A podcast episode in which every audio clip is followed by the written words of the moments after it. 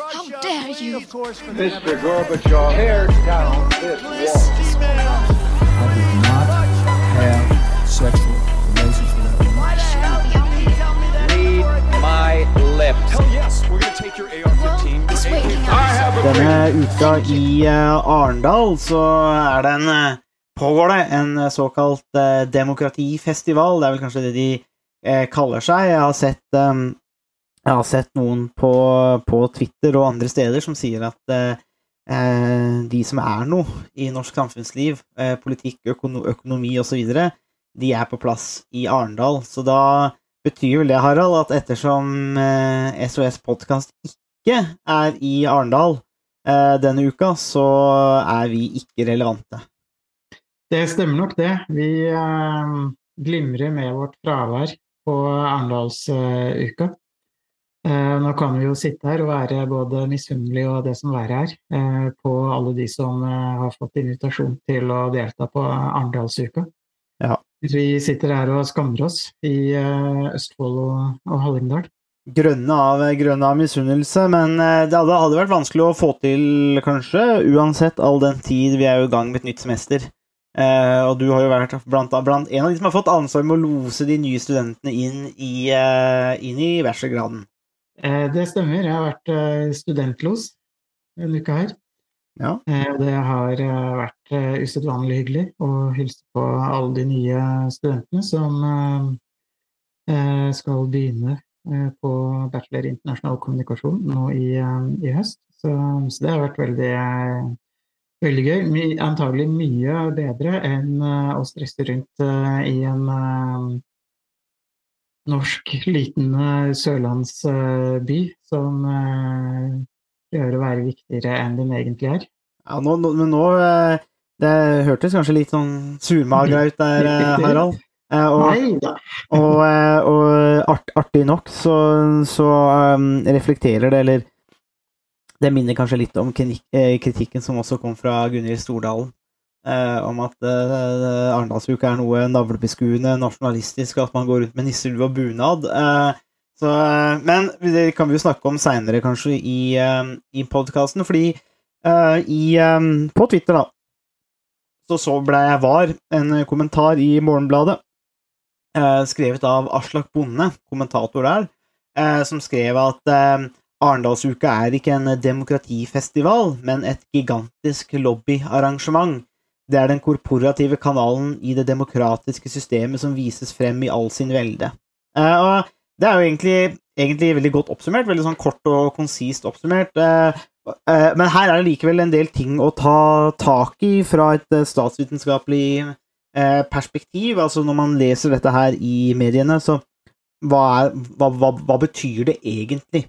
Eh, demokratifestival, men ikke minst dette med demokrati og lobbyisme, og dette med det korporative, som ofte er, er kanskje litt, eh, litt vanskelig å få tak på, selv om det er veldig sentralt i statsvitenskapen. Og vi har vært innom dette temaet mange ganger før i podkasten, og via Stein Rokkan, eh, særlig i hans diskusjoner om det numeriske demokratiet og eh, korporativ pluralisme.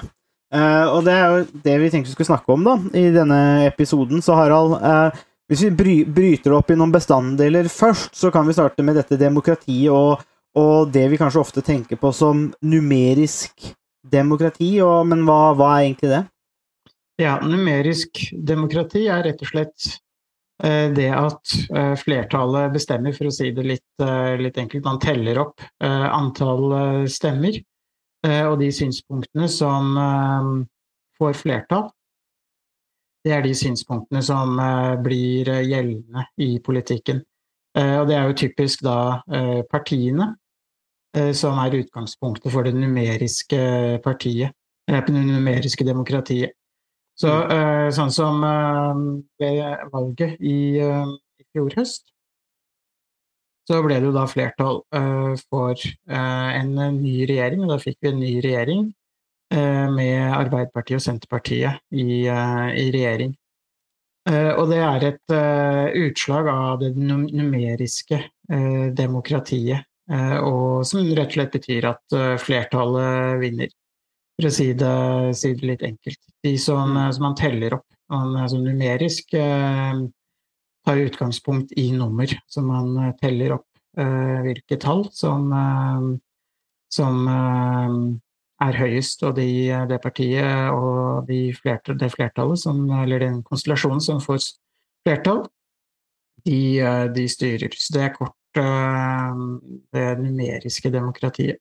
Det er ofte sånn, eh, som du sier, helt enkelt sånn som svært mange vil tenke om demokratiet òg, at hvordan er det egentlig demokratiet fungerer? Jo, du kan gå til valg altså hvert andre år, da, med, med henholdsvis lokalvalg og da stortingsvalg, men at man da går til stemmeurnene, og så én person, én stemme, og så, og så er det noen som man, man bare teller opp, og så ser man eh, hvor man ender opp egentlig her. Og det er jo sånn de fleste tenker om demokratiet, vil jeg tro, at eh, fordi eh, det, og det er jo det vi skal snakke litt om i dag, det skjer jo så fryktelig mye annet i samfunnet og i demokratiet, men helt enkelt så er det jo slik man tenker om det. Eh, men da ligger det jo litt her, og lytteren skjønner jo at eh, her ligger det mye mer enn en nettopp dette, fordi at så enkelt er det jo ikke. Eh, at eh, at eh, i et demokrati sånn som Norge, da, at det foregår kun ved valg, og så, og så jobber man på Stortinget. Her skjer det fryktelig mye annet. Og det er jo det, er jo det, det, er jo det bo- bonde tar tak i, da. Ved å si at dette er et gigantisk lobbyarrangement, og vi får den korporative kanalen som vises fram i all sin velde. Og da er jo neste spørsmål, Harald, hva er denne mystiske korporative kanalen? Ja. Eh, Det er eh, på en måte en motsats eh, til eh, den numeriske, eh, det numeriske demokratiet. Den korporative eh, kanalen handler om eh, at man ser på samfunnet eh, på samme måte som en, eh, et legeme eller en kropp. Eh, og det- og korporativt kommer jo også av gresk, nei, latinske korpus, corpus, som betyr kropp. Så man ser på eh, samfunnet eh, som et slags legeme eller en kropp som består av ulike eh, armer, ben, som alle er nødvendig eh, for at samfunnet skal eh, fungere på samme måte som at man trenger armer og ben eh, og alle de andre eh, delene av kroppen for at eh, et, eh, et menneske skal fungere. Så Det som, som ligger i det, er at man eh, ser på eh, samfunnet eh, på en litt mer helhetlig måte, og at man ønsker å integrere ulike organisasjoner og ulike deler eh, av eh, samfunnet til å jobbe sammen for å få samfunnet til å fungere på best mulig måte. Så man ønsker eh, at eh, stat, eh, næringsliv, fagforeninger, frivillige organisasjoner, sivilsamfunnet, religiøse organisasjoner osv. osv. Alle skal trekkes inn i arbeidet med å utvikle samfunnet. Mm. Så ideen er å eh, ansvarliggjøre ulike organisasjoner, som f.eks. LO, NHO, som sammen med staten utgjør det såkalte trepartssamarbeidet, som har ansvar for at man skal forsøke å redusere sykefravær og eh, jobbe for et mer inkluderende arbeidsliv osv. Så, videre. så man gir partene i arbeidslivet ansvar for å iverksette eh, deler av politikken, eh, og man inkluderer eh, de ulike partene i arbeidslivet til å være med på å utforme politikken. Noe av det samme finner man innenfor eh, landbruket, hvor landbruksorganisasjonene er med på å utforme eh, landbrukspolitikken eh, gjennom de årlige jordbruksforhandlingene. Mm. Eh, Så det er en, eh, et, et forsøk eh, på å tenke helhetlig, eh, og det er et forsøk på å eh, tenke at man skal kunne utvikle hele samfunnet gjennom de ulike organisasjonene og de ulike eh, delene av samfunnet, som økonomi, næringsliv, eh, fagforeninger eh, osv. osv. Mm. Og så kan du jo igjen Altså, eh, man ser jo ofte på dette som en eh, en ordning altså hvor disse interesseorganisasjonene som du snakker om, da, LO, NHO eller bondeorganisasjoner og andre, eh, går inn i et, da, et systematisert samvirke, altså med, særlig med staten. Og Du nevnte dette og, men, men det er ofte dette at det er systematisert, og at det er ordna innafor en kanal. og Det gjør jo også at det, for eksempel hvis man har disse motsetningene da, som man har, eh, for eksempel i landbrukets oppgjør, da. Men det er ved å samle parter, færre parter, man får jo også større forhandlingsmakt og kraft. Og, men, det, men man or innordner, eller det blir på en måte Det inngår litt mer ordna ordna system da, i denne kanalen, og det er jo også veldig gunstig, for man, man, vet jo at det er en kamp om ressurser, ikke sant? Hvem som får hva, når og hvor. Og da er det en fordel at, og det kan jo være en fordel òg at disse diskusjonene og denne kampen foregår på en så effektiv måte som mulig, en så ordna måte som mulig, som alle kan forholde seg til, for det gir også forutsigbarhet. Så det har jo noen fordeler akkurat sånn sett, da. Ja, absolutt. Eh, så det har eh, på mange måter en del eh, fordeler når det gjelder det å inkludere en del forskjellige grupper og interesser. Og også når det gjelder å tenke helhetlig. Og at man kan ansvarliggjøre de ulike organisasjonene og interessene i, i samfunnet. Mm. Eh, så, så, det finnes en del fordeler eh, med et korporativt eh, system eller en korporativ kanal. Men det finnes også en del ulemper som, som også har vært med på å, å, svekke den korporative kanalen, både i Norge, men også i veldig mange andre vestlige land de siste tiårene. Og noen av ulempene er at det innebærer at en del beslutninger flyttes eh, fra eh, parlamentet og Stortinget, og istedenfor tas i mer lukkede eh, forhandlinger mellom f.eks. partene i arbeidslivet eller bondeorganisasjonene og andre. Mm. Og man har ikke nødvendigvis noe direkte demokratisk kontroll med de beslutningene som tas i jordbruksforhandlingene er jo et eksempel eh, på det, hvor staten og landbruksorganisasjonene blir enige om en uh, avtale. Uh, og Stortinget vil i utgangspunktet da ikke komme med noen innsigelser eller endringer i den avtalen. Og Det samme gjelder også inkluderende arbeidsliv og sykelønn, hvor det i stor grad er regjeringen og partene i arbeidslivet som mm. uh, er, er, de som bestemmer. Så det gjør at man parkerer Stortinget og de folkevalgte, uh, og da også det numeriske demokratiet som vi var inne på innledningsvis. Mm. Uh, så det kan ha et demokratisk underskudd. og så kan det også gi store muligheter for de organisasjonene og for de Eh, lederne i organisasjonene som er spesielt flinke til eh, å orientere seg eh, gjennom ulike former for nettverksbygging og organisasjonsutvikling ved å på en måte bruke de bruke sin egen makt, øke sin egen makt, til å få større innflytelse enn det man kanskje tenker er heldig. Så selv om man kan ha en viss form for helhetstenkning, så kan, også, kan det også være eh, det motsatte. At man, klar, at man gjennom uh, ulike former for maktutøvelse i organisasjonene og gjennom nettverksbygging klarer å, å øke makten uh, til enkelte personer og til enkelte organisasjoner på bekostning av helheten og det som kanskje er flertallets eller samfunnets interesser. Så det finnes en del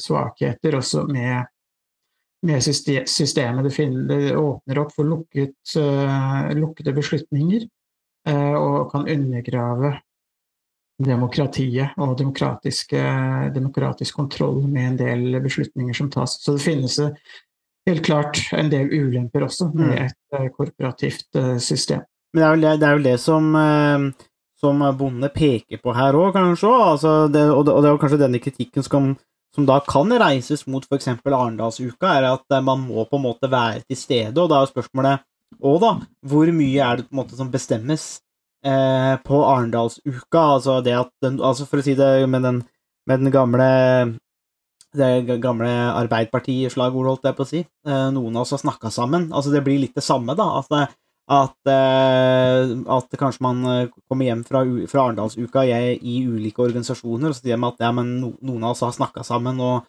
dette skal vi gjøre nå. Um, Det kan jo, kan jo, være en effektiv og god måte å gjøre det på, men som du, men som du også er inne på, det utelukker også kanskje andre medlemmer, eller det demokratiske elementet ved disse tingene. Altså Man kan få beslutninger som langt på vei bestemmes i sånne forum, eh, uten demokratisk påvirkning, da, eller uten at man vet om det. Det er jo kanskje, det, det er jo kanskje ofte det òg, at det, så komplisert som systemet, eller norske, altså et, et, politisk system, eller vårt samfunn har blitt, så vil man jo ofte ikke kunne få vite om det heller. Eh, og det Altså rett og slett fordi at eh, kostnaden ved å Altså da tenker jeg på med innsats, da. Ved å finne fram og kunnskap er så Den er så stor, da. Eh, og kanskje man også har gjemt dette bak en vegg av kommunikasjonsrådgivere som er gode på å, å lure det unna òg. Så, så jeg, jeg, ser jo helt klart dette, dette poenget med at, uh, at uh, dette må man rette et kritisk lys mot. Uh, fordi at det har både fordeler og ulemper. Og så er spørsmålet da er ulempene så store at f.eks. Arendalsuka og lignende arrangementer er et problem hva du tenker der, Harald? Altså, for ett sted må man jo møtes òg. Altså, man kan jo ikke drive Det vil jo bli kanskje litt vanskelig hvis man bare skal drive og sende brev til hverandre, eller skal møtes i veldig sånne offentlige forum. Så det er kanskje en bra ting at, eh, at det er mye mer nærhet da, mellom mange av disse ulike samfunnsaktørene. Det, det kan jo ses på som en styrke, det. Så jeg vet ikke hva tenker du der om, om sånne type arrangementer, Harald? Er det, et, er det et problem for demokratiet? Jeg tror det er avhengig av eh, i hvert fall minst to eh, andre elementer. Det, det, handler om hvordan man, hvordan man, vurderer demokratiet, så hvilken verdi man tillegger eh, demokratiet. Det som kan være dypt problematisk, er jo hvis eh, viktige, viktige, politiske beslutninger tas utenfor Stortinget eller parlamentet. Eh, fordi da har man ikke den eh, vanlige saksbehandlingen og den offentlige diskusjonen som man eh, vanligvis har.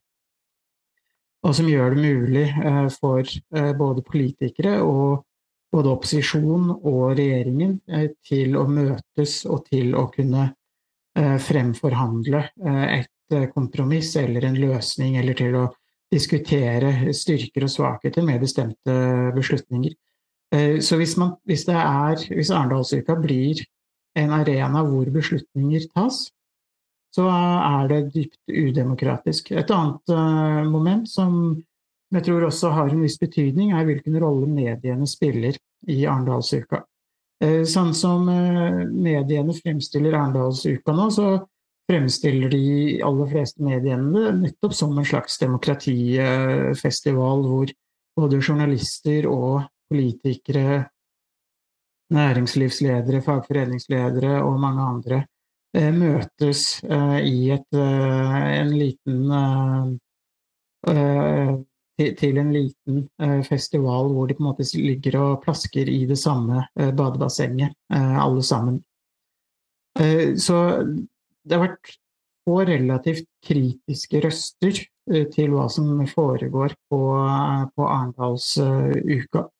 Eh, og det kan være noe som man kan, eh, kan merke seg litt. Det er jo eh, stort sett Gunhild Stordalen og Aslak Bonde, som du har referert til allerede, Sondre, som har kommet med kritiske innsigelser til Arendalsuka.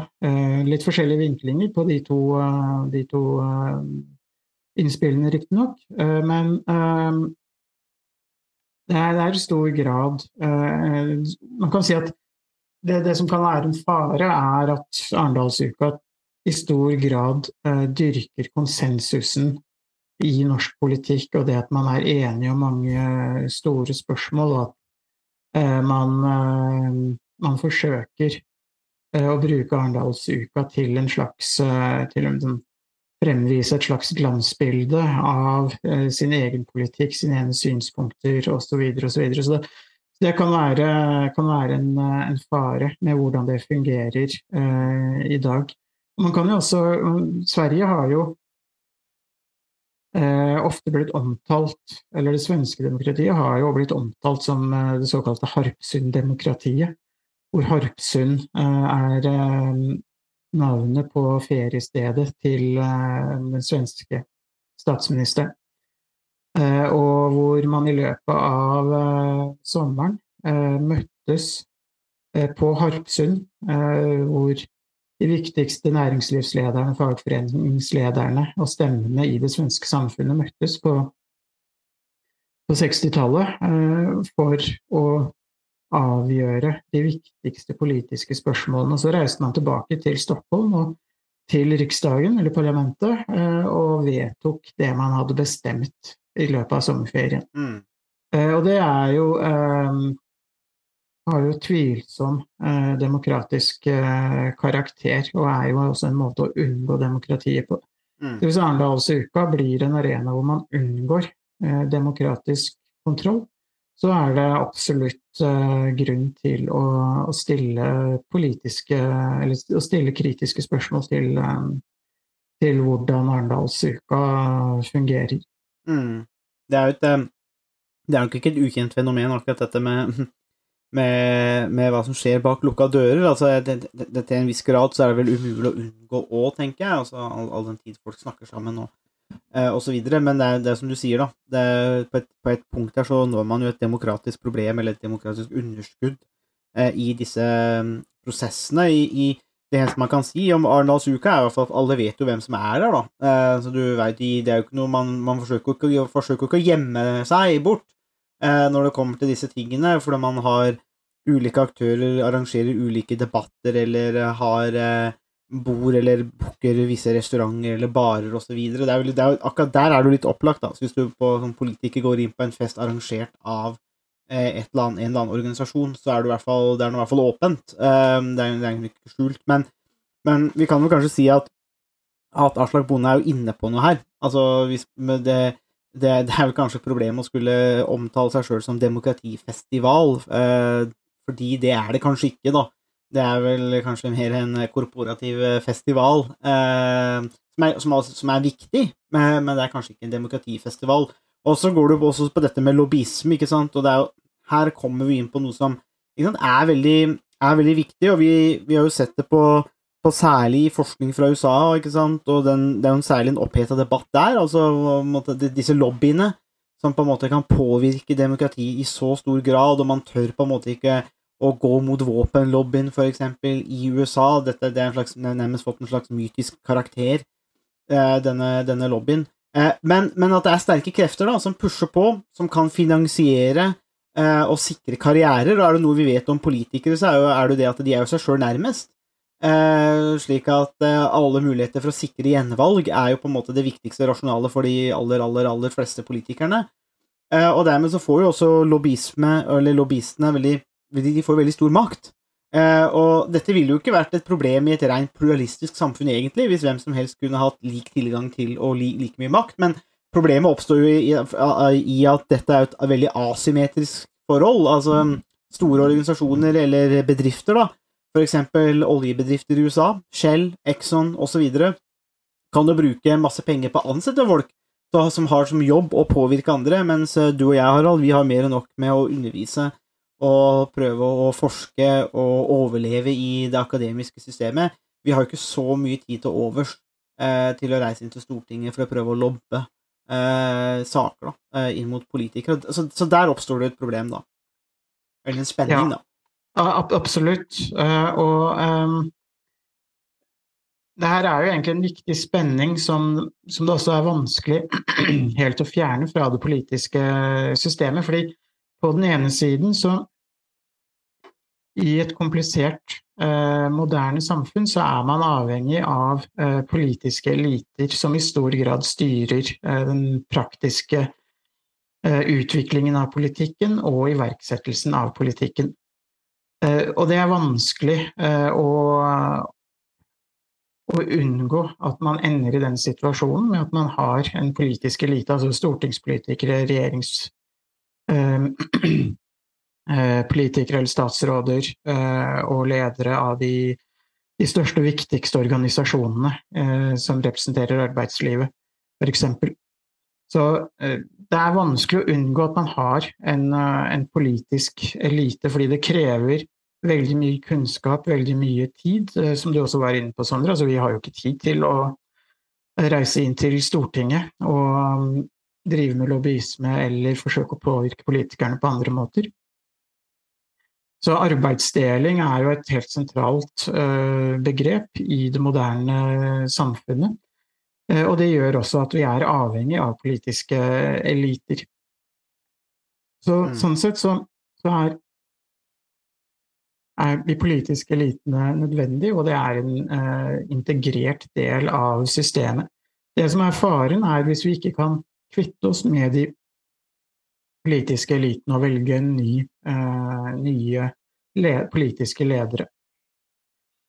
Uh, og det er der problemet, problemet oppstår. og det er der, det er der man som det kan være problematisk eh, at mange beslutninger eh, både tas utenfor eh, det politiske systemet, men også det at man ikke har mulighet til å, å kunne men jeg tenker jo også at altså En ting som er, som er veldig alvorlig i den, i den, forstand, det er jo det at eksempel, at vi har så mange politikere som går fra stortingspolitikerjobben eksempel, og over til eh, altså eh, kommunikasjonsbransjen, rådgiverbransjen, altså kall det hva du altså folk som Eller rett og slett lobbyisme, da. Eh, og da er jo spørsmålet, hvis du da går f.eks. fra Høyre, da, eh, og har sittet som minister, og på Stortinget flere år, så går du over til et, til en, til et selskap eller et firma som, eh, som, driver, som annet eh, forsøker å påvirke politikerne i ulike saker. Um, så er jo da den personen som kanskje har tatt over din stortingsplass, eller kommet inn, det er en person som du har vært mentor for, Eh, og som du har eh, lært opp langt på vei, og som har en slags tilhørighet til partiet. Eh, det er lett å se for seg her at det blir vanskelig for denne personen å da skulle stå imot kanskje argumentene fra denne mentoren eller denne partikollegaen, og at man da kan utøve denne påvirkningen. Og det tenker jeg er også et ganske stort problem, fordi at vi ser jo at norske politikere er veldig glade i å gå nettopp den veien. Altså, det er jo ingen, nesten ingen politikere som går noen annen vei. Altså, det er, det er på en måte bare én vei innover, og, da, så, gjemmer man seg bak at nei, man må jo få lov til å bruke sin kompetanse på et eller annet måte. Eh, og, og, det er ok, men, men, hva med dette større ansvaret f.eks. overfor demokratiet? Eh, eller altså Det er ingen kritiske betraktninger da, rundt den rollen der. Det er, og og det tenker jeg egentlig er, er, ganske alvorlig, og det kan jeg se for meg, eller vil jeg si, vi har ikke gjort noen studier på det her, men jeg, det hadde vært interessant hvis man kunne studere dette, fordi at uh, i min antakelse, i hvert fall, så, an, uh, så, vil jeg si at det her er et uh, problem, da, eller vil også være et problem i Norge, da. Ja, og, og, det er jo veldig påtagelig når man ser at den ene politikeren etter den andre nærmest bruker eh, stortingsplassen sin eh, som et springbrett til å få en lukrativ karriere eh, i kommunikasjonsbransjen. Mm. Fordi det sier noe om sier både noe om politikerrollen, og det sier noe om hvilke kvaliteter og hvilken motivasjon noen av stortingspolitikerne kanskje, kanskje har. Mm. Og så er det også et poeng som har fått ganske lite oppmerksomhet eh, de siste, eh, de siste tiårene. Eh, men som, som har vært var et viktig poeng både for Max Weber, men også Josef Schumpeter, som begge har skrevet mye både om demokrati, byråkrati, og hva et moderne samfunn og en moderne økonomi omhandler. Eh, og for både Weber og Schumpeter så var det viktig at det, at det politiske systemet og demokratiet skulle utvikle og skape politiske ledere som var sterke nok til å hamle opp eh, med eh, lederne av både byråkratiet og i næringslivet, fagforeninger, organisasjoner, kirken osv. Og, og der er det et eh, tenker i hvert fall jeg at det er et stort problem i dag, eh, både i Norge, men også i veldig mange andre vestlige land. Man har rett og slett ikke politikere som har den, de lederegenskapene som man trenger for å hamle opp med næringslivsledere, religiøse organisasjoner, fagforeninger og hva det måtte være. Man, og, der, der, er det et, og det er kanskje et, et stort demokratisk problem eh, i dag også, rett og slett at politikerne ikke er sterke nok ledere. Uh, man kan jo bare se til, uh, til, vår egen regjering i dag, som, uh, som har gjort det svært dårlig på meningsmålingene de, de, siste, de siste månedene, spesielt eh, de siste meningsmålingene som har blitt eh, offentliggjort nå, hvor Arbeiderpartiet er på under 20 eh, på under 20 og hvor Arbeiderpartiet og Senterpartiet til sammen ligger på rundt 25% Og Noe av det som er problemet, er ikke nødvendigvis at man ville fått en helt annen politikk med en annen regjering, men det er rett og slett det at dagens regjering viser eh, mangel på lederskap, og at de ikke har klart eh, å vise lederskap i en vanskelig situasjon. Mm. Eh, og for alle de manglene som forrige regjering hadde, så var det kanskje det at den styrken de hadde, var at de på et eller annet vis klarte å vise et slags lederskap gjennom også en vanskelig situasjon og en, og en krise. Mm. Uh, og det er kanskje ikke de politiske forskjellene som, uh, som uh, gir seg utslag i meningsmålingene som, som, dagens regjering gjør det dårlig på, men det er mer det at det er mangel på lederskap. Mm. Og det er et, et, stort problem, og det er noe som også man ser i, i mange andre vestlige land, både i Storbritannia, som er inne i en bitter lederstrid i det konservative partiet, men også i uh, opposisjonspartiet Labour, som heller ikke har eh, politiske ledere uh, som klarer å hamle opp med, med regjeringspartiet. Man kan si det samme om mange av politikerne i USA også, som på mange måter er lettvektere, men som er populistiske og blir rir på en populistisk og på en populistisk bølge og gjennom kontroversielle uttalelser. Eh, mm. som, eh, som, egentlig ikke er, har mye substans, eh, men som gir oppmerksomhet. Mm. Jeg så på noen, en, en, en debatt fra Arendalsuka som involverte flere ungdomspolitikere, og der var det også fra, fra AUF som på et spørsmål om nettopp om strømkrise osv. Eh, klarte å svare at nei, men statsminister Støre har jo, snakket, har jo måtte, kommunisert bra om krisa. Og da tenkte jeg sånn Der har du problemet.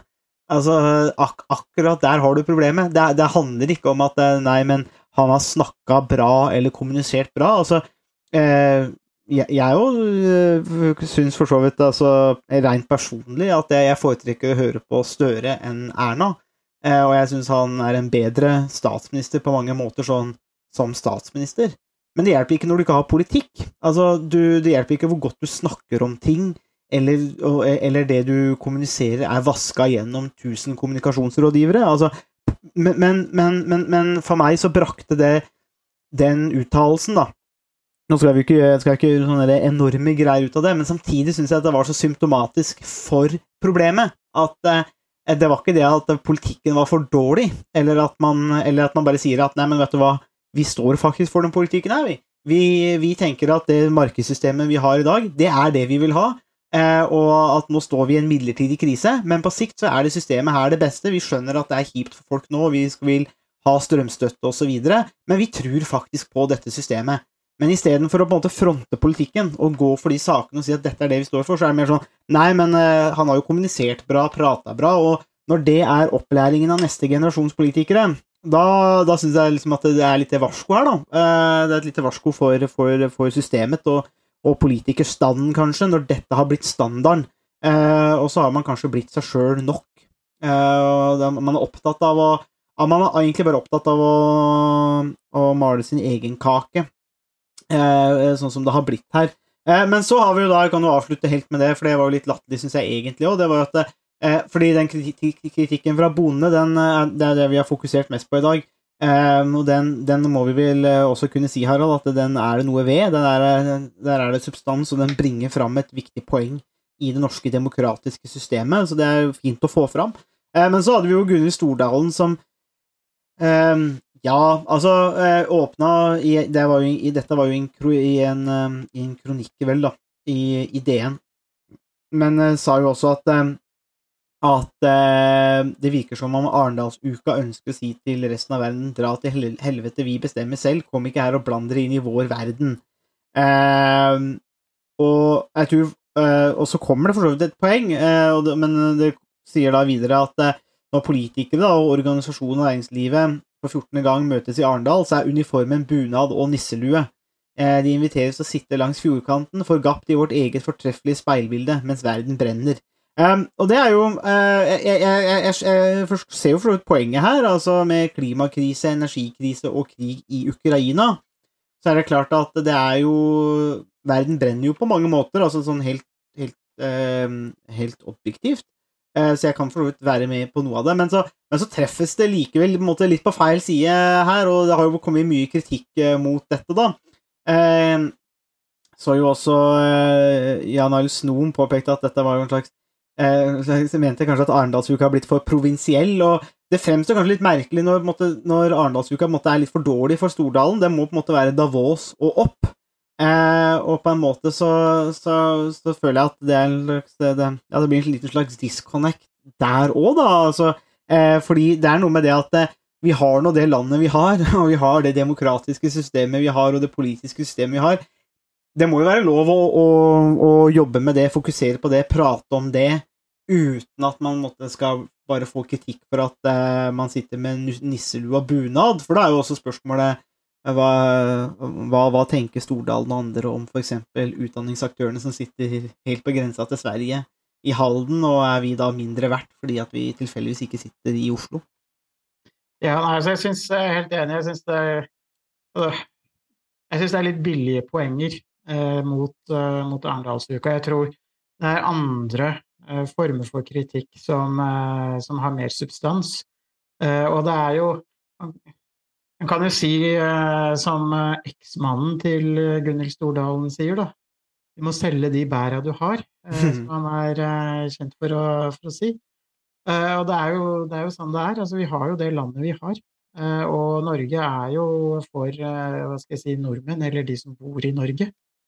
Og det er jo på en måte sånn det, sånn det er. Men, og det betyr jo ikke nødvendigvis at man trer på seg nisselue og bunad og sitter og plasker sammen med Freia i Arendal. det er jo altså, det er, det er mange, Vi har jo vært inne på noen av de vi har vært inne på noen av de innsigelsene man kan komme, komme med mot et sånt arrangement som Arendalsuka. Og um, ja, altså det kan jo være i og for seg provinsielt, men uh, samtidig så, uh, så skal jo politikken i Norge utformes for de som bor og, og oppholder seg uh, og lever i, i, Norge, først og fremst. Og det er ikke noe galt å fremme de nasjonale interessene. Mm. Og det er ingen andre som enn nordmenn og den norske, norske regjeringen som vil fremme norske interesser internasjonalt. Alle andre land vil fremme sine interesser, og sånn sett så må vi ha en politikk som fungerer for Norge også. Så det er litt Jeg syns det, det er spissformuleringer som er litt billige, og som kanskje har litt lite substans, og hvor det finnes eh, andre eh, former for kritikk som, eh, som er viktigere, og som, som, har mer substans når det gjelder Arendalsuka. Og der er kanskje Aslak Bonde et, et bedre eksempel.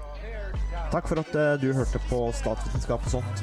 Har du spørsmål, kommentarer eller tilbakemelding, så er det bare å ta kontakt på vår Facebook-side, per e-post eller brevdue.